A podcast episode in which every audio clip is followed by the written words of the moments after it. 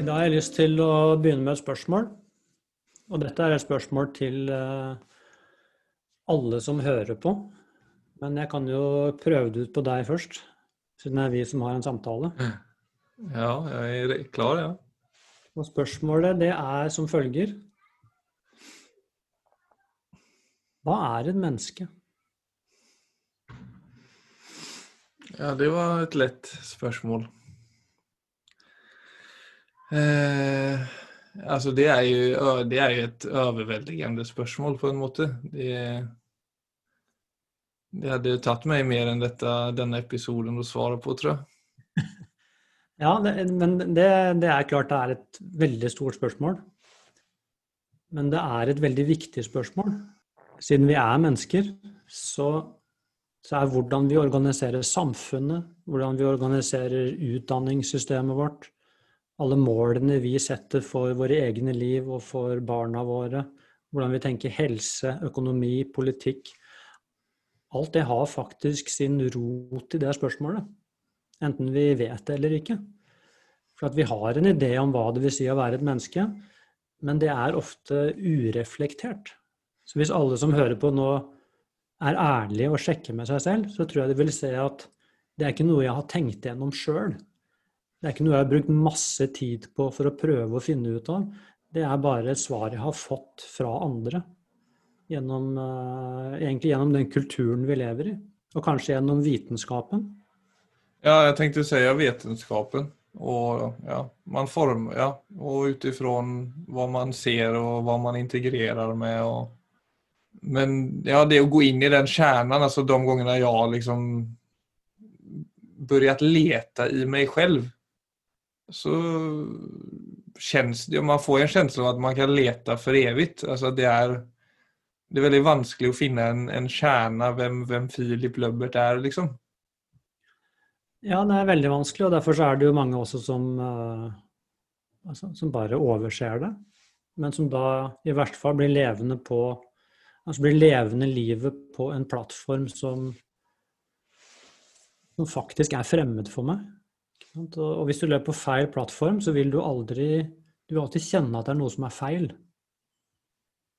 Så, så det har store konsekvenser å bare tenke nei, det, det overlater jeg til andre. Altså, det har kjempestore konsekvenser. Mm. Så la meg bare ta et lite Du vet, i Det har alltid vært et stort problem i Og det er det fortsatt, altså i vestlig vitenskap. Det har vært et stort filosofisk problem også. Som på engelsk kalles det ofte bare 'the mind-body problem'. Eh, noen ganger kalles det altså 'the hard problem of consciousness'. Men det har egentlig med å gjøre det at vi er Hvis du undersøker da, hva er det å være et menneske, så kommer du tilbake til det at jo, jeg er jo jeg er et bevisst vesen. Det er noe veldig fundamentalt det med at jeg har en opplevelse av verden. Jeg har en opplevelse av å være meg. Men det interessante er at det er helt privat. Når jeg snakker med deg, så Alt jeg kan se, er kroppen din. Mm. Og kroppsspråket ditt. Og atferden din. Mens alt det andre er skjult for meg. Og der har jo vitenskapen fått et veldig stort problem. Fordi at uh, det som er virkelig for moderne vitenskap, det er materie. Og det er det eneste som, eh, som har status som virkelighet. Så vitenskapen sier per definisjon at vi lever i et materielt univers, og at alt som er virkelig, er materielt. Og det er der dette med mind-body problem kommer inn, for det er da hva med sinnet vårt? Jeg opplever jo personlig at det er utrolig vesentlig for meg. Men det har ikke noe jeg finner ikke noe materiell substans i livet mitt. Jeg kan ikke vise deg tankene mine. Jeg kan ikke, jeg kan ikke veie tankene mine. Jeg kan ikke holde fast ved dem.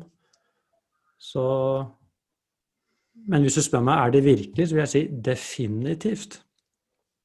Det er faktisk helt essensielt for min opplevelse av hvem jeg er, og for hva jeg opplever som virkelig. Mm.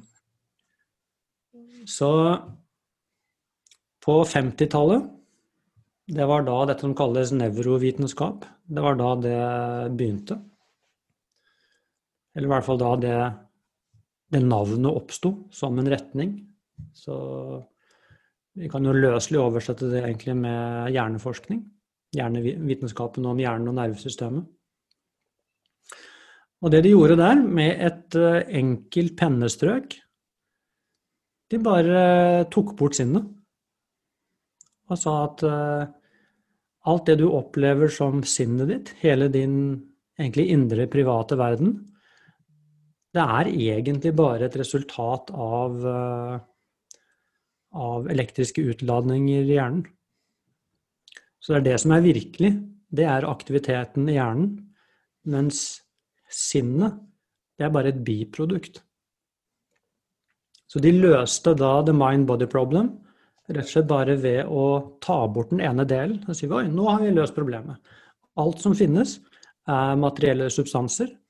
Alt som finnes eh, som bevissthet, er egentlig bare noe som oppstår når, eh, når nevrologien når en viss kompleksitet.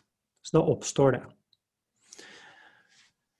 Ja, for det vanlige er vel at Jeg hørte en, en, en psykiater i Sverige som hadde fått holde i en hjerne for første gangen, og kanskje siste, hva vet jeg, men da sa han at det var så utrolig å få holde en menneskes sjel. Og det var for, altså når jeg hørte det, jeg, jeg sier verken det ene eller det andre, men jeg fikk en litt sånn makaber følelse eh, når han sa det, egentlig. Men eh, det er jo, det er jo på en måte en av de absolutt vanligste ideene, at, at allting herstammer fra hjernen. Også bevissthet over sjel. Yes, det er akkurat det. Og det interessante er, og som er mitt hovedpoeng eh, med dette, det er det er det ingen vitenskapelig evidens for. Det er en helt uvitenskapelig antakelse. Så det er på linje egentlig med et kirkemøte, hvor det sitter en gruppe mennesker og bestemmer fra nå av så er det dette vi skal tro på. Helt uh, randomly, egentlig, bare fordi det passer inn i min virkelighetsoppfatning. Det er aldri gjort noe som helst vitenskapelig eksperiment som gir noe evidens for at bevisstheten eller sjelen er et produkt av hjernen. Ingenting. Det er kun en antakelse. Det er helt umulig å bevise med de, med de verktøyene som vitenskapen har tilgjengelig i dag. Så det er rett og slett en tro. Så hele vitenskapen hviler på, en, eh, på et trossystem. Om at vi lever i et materielt univers, det er heller ikke bevist, for det er umulig. Og at bevissthet er eh, materielt, det er klin umulig for dem å bevise. Det passer bare inn i modellen deres. Så de kan Hvis du stiller et fysisk spørsmål, så får du et fysisk svar. Men hvis du da Og det er en helt grei antagelse, men er, eh, hvis du skal være vitenskapelig, så må du faktisk si dette vet vi ikke. Dette er et mysterium. Men vi tar vårt utgangspunkt er dette. Det ville vært redelig. Men å si at uh, at alt tilsier Nei, det er ingenting som tilsier at bevissthet er et produkt av hjernen.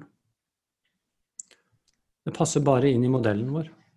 Også, også så er det enkelt å forstå, for det du er inne på, er jo, blir jo Det blir jo litt vanskeligere å sette seg inn i.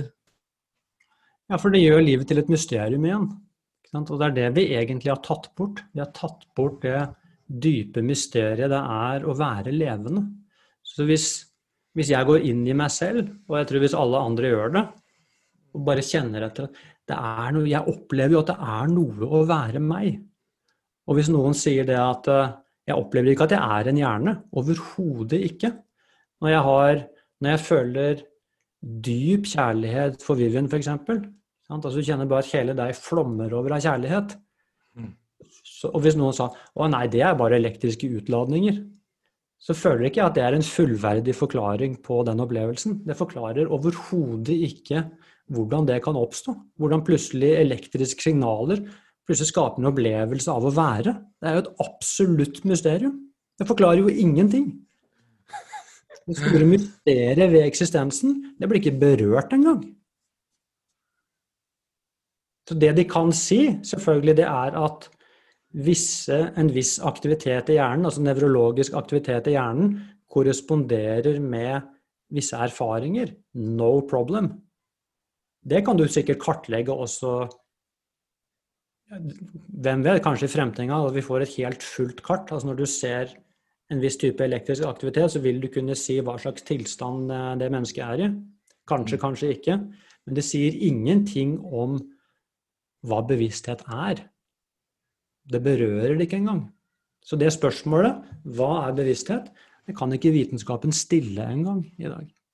Eller, eller, spør gjerne hva er sjelen? Altså Det kommer an på hva man føler er nærmest. De kan ikke engang stille spørsmål. For de har ikke en tilnærming til det.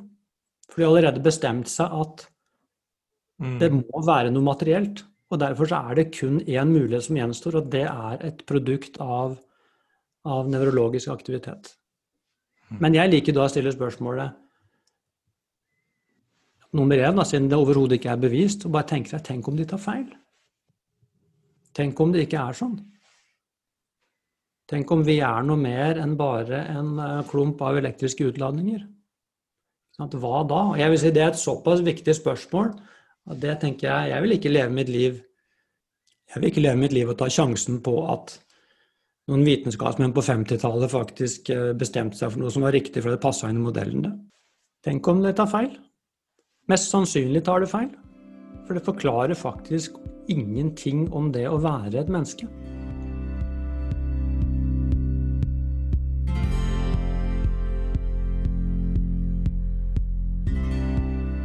Men jeg er jo veldig sårbar for å få eksistensielle problem. Det er det som på en måte har vært min, altså min issue siden den dagen jeg faktisk fikk fikk litt større problem enn det å bare grue seg til skolen eller grue seg til jobb. Og det har just vært det der å definere hva, hva livet er. Og, og, det har ikke vært så, det har ikke nødvendigvis vært med tankene, men det har vært voldsomme følelser som bare har kommet. Og som har gitt meg en sånn følelse av at alt er utrygt og ingenting er Ingenting går å definere, og hva er et menneske, og hva er, ja, hva er et spørsmål ved alt, på en måte. Mm. Som et sånt krig mot eksistensen. Ja. Og så har jeg også på en det er også sånn komisk nesten, for jeg har på, en, på den andre siden så er jeg en sånn Er jeg vel, ja, kaller det livsnytere, da. Det skal samtidig veldig lite til for at jeg skal være veldig, eller sette pris på livet. Altså Det kan være alt fra en kaffekopp til en til en eh, til et fint samtale med en eh, person jeg møter. Men så er det men samtidig så kan den For at de känslorna er veldig latente. Så det skal også så lite til som en kaffekopp ibland, altså den lille koffeindosen til for at jeg skal havne i, i krig mot eksistensen igjen. Mm. Så att jag, jag, upplever ibland att jag slängs mellan det där och liksom sätta pris på det lilla och vara i väldigt god kontakt med det till att plötsligt bara vara tot helt på den andra sidan där allt bara är mört och meningslöst. Hvis man ska bruka bruka litt brutale ord for det, men det er jo, det er jo den den känslan ja, som nesten beskriver det best. Ja. Jeg vil jo tro, Philip, at uh, det er nok veldig mange som har det i hvert fall på lignende måter. Nå er det jo veldig store bølger altså i, uh, i, sinnet ditt. Men jeg tror egentlig alle vil kunne kjenne igjen dette til, til en viss grad. Og der igjen så er det jo egentlig det å kunne da ha noen konkrete verktøy så man, kan, eh, så man kan nærme seg den type ting. For at det Ofte så er det Det er ikke selve de store følelsene eller de vanskelige tankene som er problemet, det er at vi er redd for det. Så det er frykten Ofte frykten for frykten er mye verre enn selve frykten. Så det er så en veldig vakker bok, en bok, mindfulness-bok som uh, faktisk Den er svensk. Oversatt til norsk, og den heter å leve et liv, ikke vinne en krig. Mm. Og det er eh, og det er bare en helt en praktisk bok om mindfulness, altså hvor man nettopp lærer det å kunne Altså ta et blikk inn på mitt eget sinn, og se det at uh, den bevegelsen som hele tiden er der Noen ganger så er det er vannet helt stille, så du kan speile deg i det. Andre ganger så er det bare sånne små bølger. Og andre ganger så er det storm. Mm. Og enorme bølger. Og det er sinnets natur. Så du kan godt si sinnet er på, måte på den måten som havet. Men hvis vi bare har verktøy til å være på overflaten, og det er det jo vil jeg si, De fleste har jo det, har bare overflateverktøy. Så vil været bestemme tilstanden din. Så er det store bølger, så er du i dyp affekt. Og er det havblikk, så kjenner du at åh, nå var det deilig. Mens hvis du er på det åpne havet, så er det storm på, på overflaten, så skal du ikke mange meter ned før det er helt rolig. Og sånn er det i sinnet òg. Så det å kunne få disse verktøyene til å kunne gå dypere inn i seg selv og kjenne at ja, på overflaten av sinnet så er det konstant bevegelse. Mm. Men litt dypere ned så er det alltid ro. Så det er dypere nivåer av sinnet vårt som ikke er med på den overflatebevegelsen. Det er uh... Men det er det dypet av ro som du snakker om, da, som er Det er liksom vanskelig å forholde seg til det dypet når de stormer som mest, på en måte. For det er så mange konsekvenser som skjer av at de stormer. Altså sånn som at hele din identitet går i oppløsning, f.eks. Mm. Og livet går i oppløsning. Det er så det er så mangspråkigt eller mangnyansert, den følelsen. At du, det er liksom inget sted å på en måte gripe tak i. Nei, så hver gang det skjer på nytt tenker, så, så, så, For min del så tenker jeg denne gangen så Jeg vet jo at det passerer, jeg vet jo at den bølgen viker etter hvert.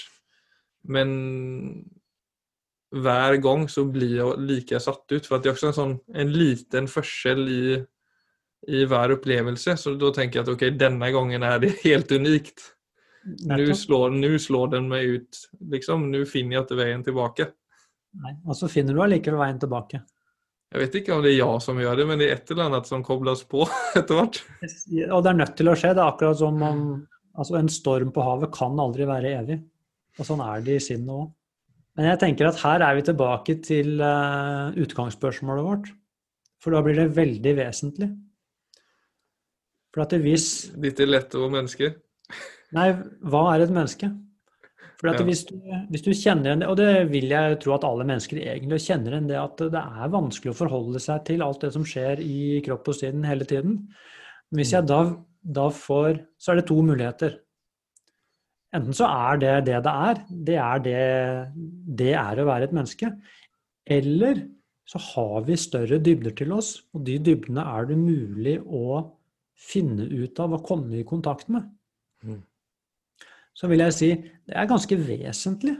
Tenk om det fins, altså som jeg da påstår at det finnes, at det fins større dyp i oss. Og de dypene er faktisk ikke i berøring med stormen.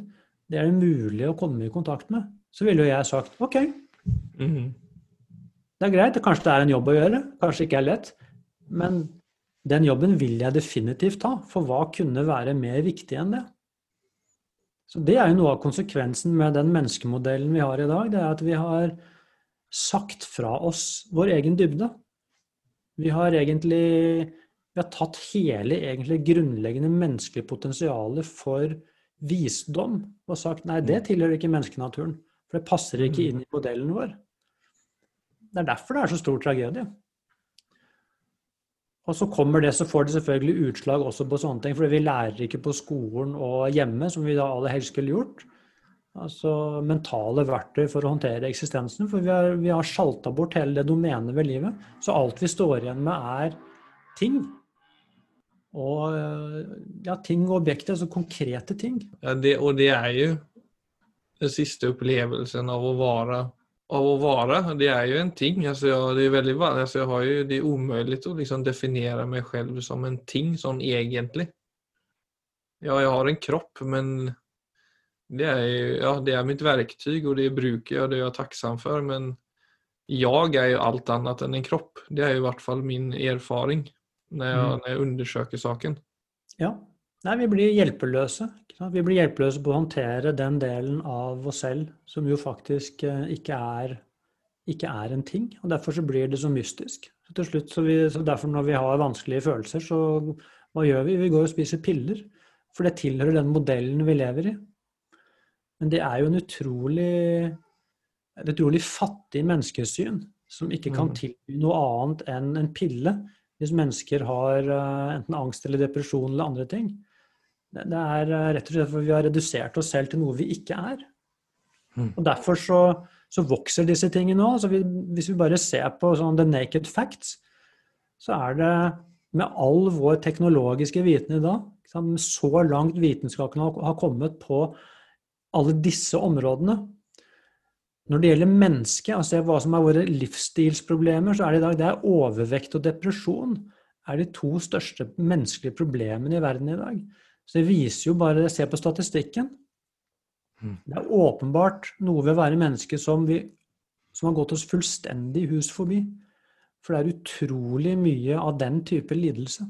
Til tross for all vår teknologiske know-how. Så det har åpenbart ikke noe særlig effekt på opplevelsen av å være et menneske i verden.